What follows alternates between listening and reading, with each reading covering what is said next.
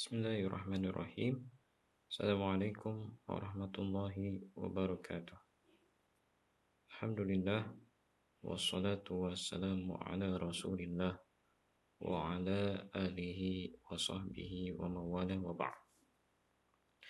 Para santri sekalian, alhamdulillah pada hari ini kita kembali uh, dapat uh, membahas dan kembali Eh, mempelajari tentang pelajaran eh, SKI. Alhamdulillah dan insya Allah untuk pelajaran kali ini kita akan membahas tentang perkembangan Islam di Afrika, ya.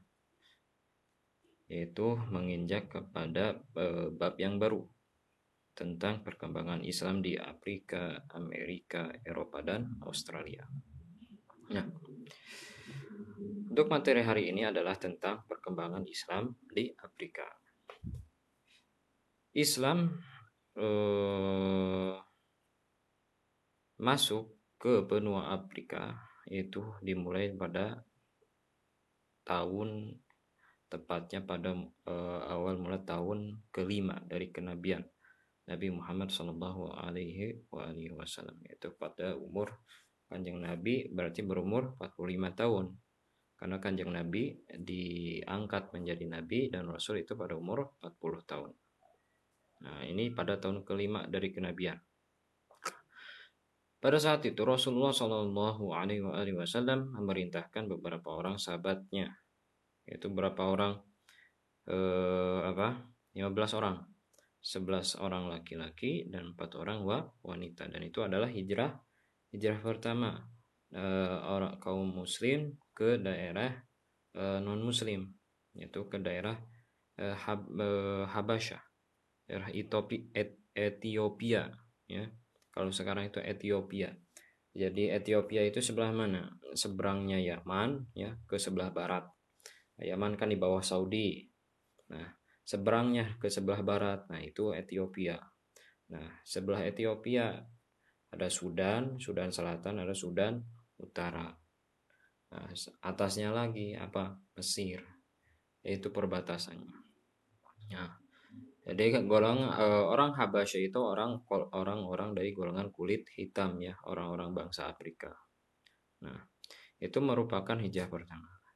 Hijrah ini, jadi hijrah pada waktu itu tahun kelima kenabian itu dipimpin oleh Usman bin Maz'un yang bertujuan untuk menghindari dari penyiksaan, penyiksaan dan menyelamatkan diri dari kaum kafir Quraisy ya. Serta mendakwahkan Islam agama is Islam. Nah, pada saat itu juga bertemu dengan uh, seorang uh, apa? yaitu raja-raja Habash, raja Habasyi. Selain itu, pada Sekitar tahun 6 Hijriah, Nabi Shallallahu Alaihi Wasallam mengutus sahabatnya Hatib bin Abi Balta untuk menyampaikan surat dakwah seruan masuk Islam kepada Mukaukis. Mukaukis itu raja Mesir zaman dahulu, zaman kanjeng Nabi Muhammad SAW. Tapi pada zaman kanjeng Nabi Muhammad SAW, Mesir itu dikuasai oleh bangsa bangsa Romawi. Ya, bangsa Romawi pada saat itu berkuasa dan kemudian eh, agama resminya juga di sana itu adalah agama Kristen pada saat itu. Karena Romawi pada itu menganut eh, Kristen. Namun kalau di Mesir itu Kristennya itu Kristen Ortodoks ya. Kristen Ortodoks bukan yang me, apa istilahnya mengkiblatkan eh, Nasraninya itu kalau prot eh, apa Kristen atau apa Nasrani yang lainnya itu kan kiblatnya itu ke Vatikan ya di Roma tapi kalau Ortodoks itu enggak enggak mengkiblat ke eh, Vatikan. Bahkan di dalam apa eh, upacara atau hari raya eh, Paskah ya hari raya kelahiran Nabi Isa itu beda perayaannya. Kalau di kita kan para eh, apa para aglabiyahnya umat Nasrani yaitu merayakannya pada tanggal 25 Desember di akhir tahun. Kalau ini enggak. Biasanya pada uh, setelah setelah ini setelah uh, tahun baru uh, sekitar uh, akhir bulan Januari atau pertengahan itu beda perayaannya nah jadi pada saat itu pada tahun ke-6 Hijrah itu Rasulullah SAW mengutus Hatib bin Abi Balta'ah untuk menyampaikan surat dakwah seruan masuk Islam kepada Mukaukis penguasa Mesir, gubernur Romawi Timur. Nah, Islam akhirnya mulai menyebar ke negara-negara Afrika Utara serta terjadi proses Islamisasi. Hal ini terjadi sekitar abad 7 sampai 8 Masehi. Nah, pada saat nah, Kanjeng Nabi itu juga pada eh, peristiwa tersebut itu eh, Kanjeng Nabi diberi hadiah oleh eh, raja Mesir pada waktu itu. Karena petakjub juga. Saking uh, dan juga menghormati terhadap baginda Nabi akhirnya memberikan dua uh, hamba sahaya. Dua budak. Salah satunya adalah Siti Maryam.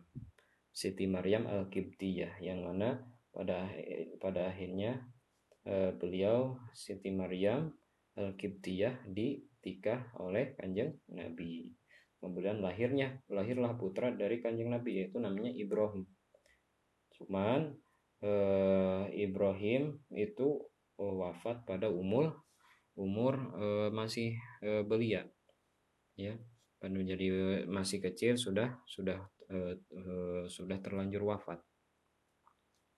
Nah jadi yang tersisa dari putra-putra kanjeng Nabi Muhammad SAW cuma putrinya yaitu Sayyidah Fatimah Az-Zahra dan dari situlah eh, lahirlah keturunan-keturunan Ali Bait dan juga para zuriyah zuriyahnya kanjeng Nabi dari uh, jalur uh, Sayyidina Hasan dan Sayyidina Husain dan juga ada dari jalur Sayyidah Zainab ya ketiga. Nah, adapun di Afrika Timur, faktor Islamisasi tampak jelas dengan kedatangan dan ekspansi Islam ke Afrika Selatan. Antara lain dilakukan oleh para budak Melayu yang dibawa oleh orang-orang Eropa ke wilayah itu setelah dibebaskan di Pulau Robben tak jauh dari Cape Town pada tahun 1793. Nah, nah pada saat lalu di Afrika Timur eh, faktor dari penyebaran Islamnya itu adalah eh, yaitu faktor Islamisasi dan ekspansi Islam ke Afrika Selatan dari para eh, tawanan-tawanan perang, tawanan-tawanan perang orang-orang Melayu. Jadi pada waktu itu orang-orang Belanda itu menawan para eh, tokoh-tokoh tawanan perang Melayu dan diasingkan ke daerah Afrika. Yaitu daerah pulau apa itu? Daerah pulau e, Robben nah. Diasingkan di situ. Kemudian setelah itu setelah dibebaskan akhirnya mereka menetap di daerah Afrika di daerah Afrika dan mereka juga tidak tidak diam saja mereka menyebarkan paham agama Islam menyebarkan agama-agama Islam, dakwah berdakwah agama Islam sehingga menyebarlah dari eh, apa? dari usaha ini, dari wasilah ini sehingga tersebarlah agama Islam di seluruh penjuru eh, Afrika.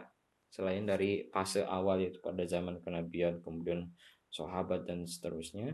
Nah, pada zaman setelahnya juga yaitu pada zaman Hindia Belanda juga Islam juga berkembang kembali yaitu perkembangannya dan penyebarannya lewat dari para eh, ulama-ulama uh, dan tawanan-tawanan perang uh, orang-orang Melayu yang diasingkan di daerah Afrika. Contohnya saya Pak Imam Abdullah. Imam Abdullah itu seorang uh, orang Melayu ya. Dan juga uh, Syekh Yusuf Al-Makassari.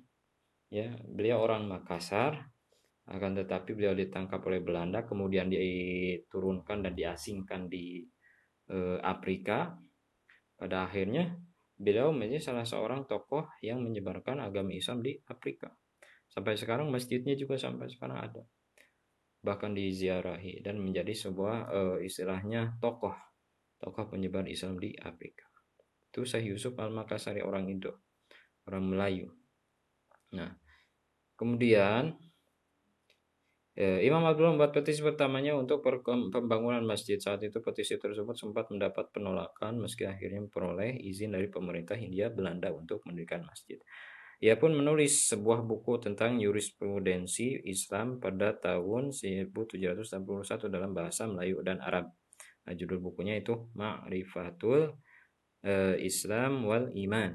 Nah, buku ini memberi pengaruh sosial dan keagamaan yang besar terhadap uh, kalangan komunitas muslim di Cape Town. Cape Town itu di Afrika Selatan pada tahun 1973. Imam Abdullah membangun sekolah muslim pertama lokasinya di Street Bokap yang akhirnya menjadi bagian dari masjid awal masjid pertama di Cape Town. Nah, pada tahun 1825 sekolah ini memiliki 491 siswa, nah sebagian besar di kalangan budak negro. Kebanyakan orang-orang kulit hitam. Hmm.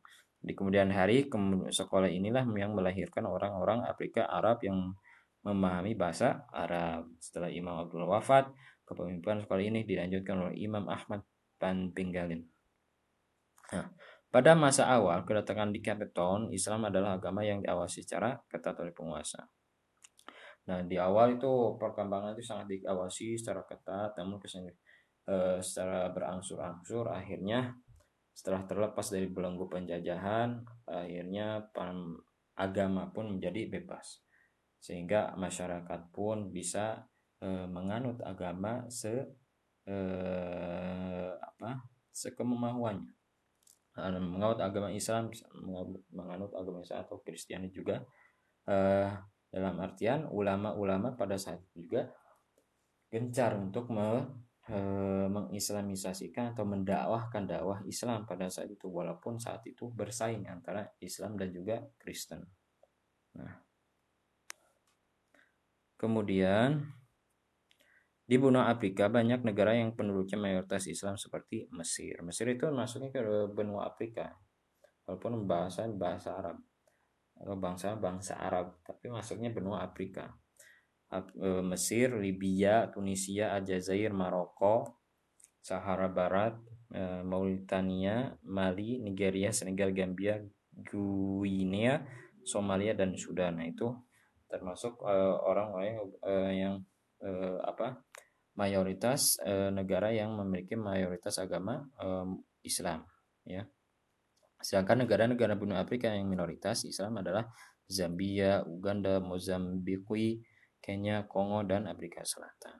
Nah, nah dari situ dapat kita ketahui bahwasanya perkembangan Islam di daerah Afrika eh, selain dari eh, awal perkembangannya tentang munculnya Islam dari mulai eh, pada saat zaman kenabian itu eh, kemudian para sahabat eh, para tabiin tabi tabiin kemudian pada pada zaman dinasti-dinasti seperti dinasti Ayubiyah dan sebagainya atau dinasti pada zaman Umar bin As sahabat itu perkembangan Islam juga dipengaruhi oleh perkembangan setelahnya pada zaman-zaman setelahnya yaitu pada zaman terkhusus penjajahan Hindia Belanda kepada bangsa Melayu atau Indonesia dengan ditawannya para tokoh-tokoh dan diasingkannya para tokoh-tokoh eh, ulama eh, orang-orang Islam ke daerah Afrika yang dibawa dari Melayu. Eh, orang-orang tersebut yang di tahun itu menyebarkan agama Islam di Afrika sehingga terjadilah penyebaran agama Islam pada fase berikutnya seperti dan sampai sekarang Islam terus berkembang. Namun eh, Islam sedikit ternodai dengan adanya kelompok-kelompok yang istilahnya tidaklah mencerminkan Islam cuman menisbatkan atau menghubungkan dirinya sebagai kelompok Islam. Yaitu kelompok-kelompok teroris seperti pemberontak Somalia, Boko Haram, ya, ya orang-orang Afrika, ISIS dan sebagainya Al-Qaeda di cabang-cabang Afrika. Itu yang membuat kegaduhan dan menjadikan negara-negara eh, Muslim di daerah Afrika itu menjadi miskin. Selain dari campur tangan orang-orang barat seperti Amerika dan Eropa ya. Di situ juga eh, orang-orang eh, apa radikal juga menjadi pengaruh di dalam eh, ber uh, berkurangnya kualitas dari Islam di daerah Afrika dan uh, sekitarnya. Namun ala kulihal, alhamdulillah uh, Islam senantiasa berkembang dan Islam juga senantiasa muncul terus-menerus walaupun tekanan dari berbagai penjuru selalu ditujukan kepada umat muslim. Nah, untuk itu eh, tugasnya antum baca yang tentang eh, perkembangan Islam yang tercantum di sini yaitu terkhususnya di daerah Mesir. Mesir eh, dan juga Tunisia. Ya, antum baca dulu yang dari LKS, kemudian setelah itu antum cari tugasnya cari sejarah tentang universitas terkenal yang terkenal dan tertua yang ada di e, Mesir dan juga Tunisia ya. Itu tugasnya dua ya. E, cari biografi atau sejarah tentang e, universitas atau eh, tempat bersejarah Islam ya, universitas tertua yang ada di Mesir dan juga di Tunisia. Untuk boleh cari di baik di Google ataupun di buku-buku yang lain. Syukron. Assalamualaikum warahmatullahi wabarakatuh.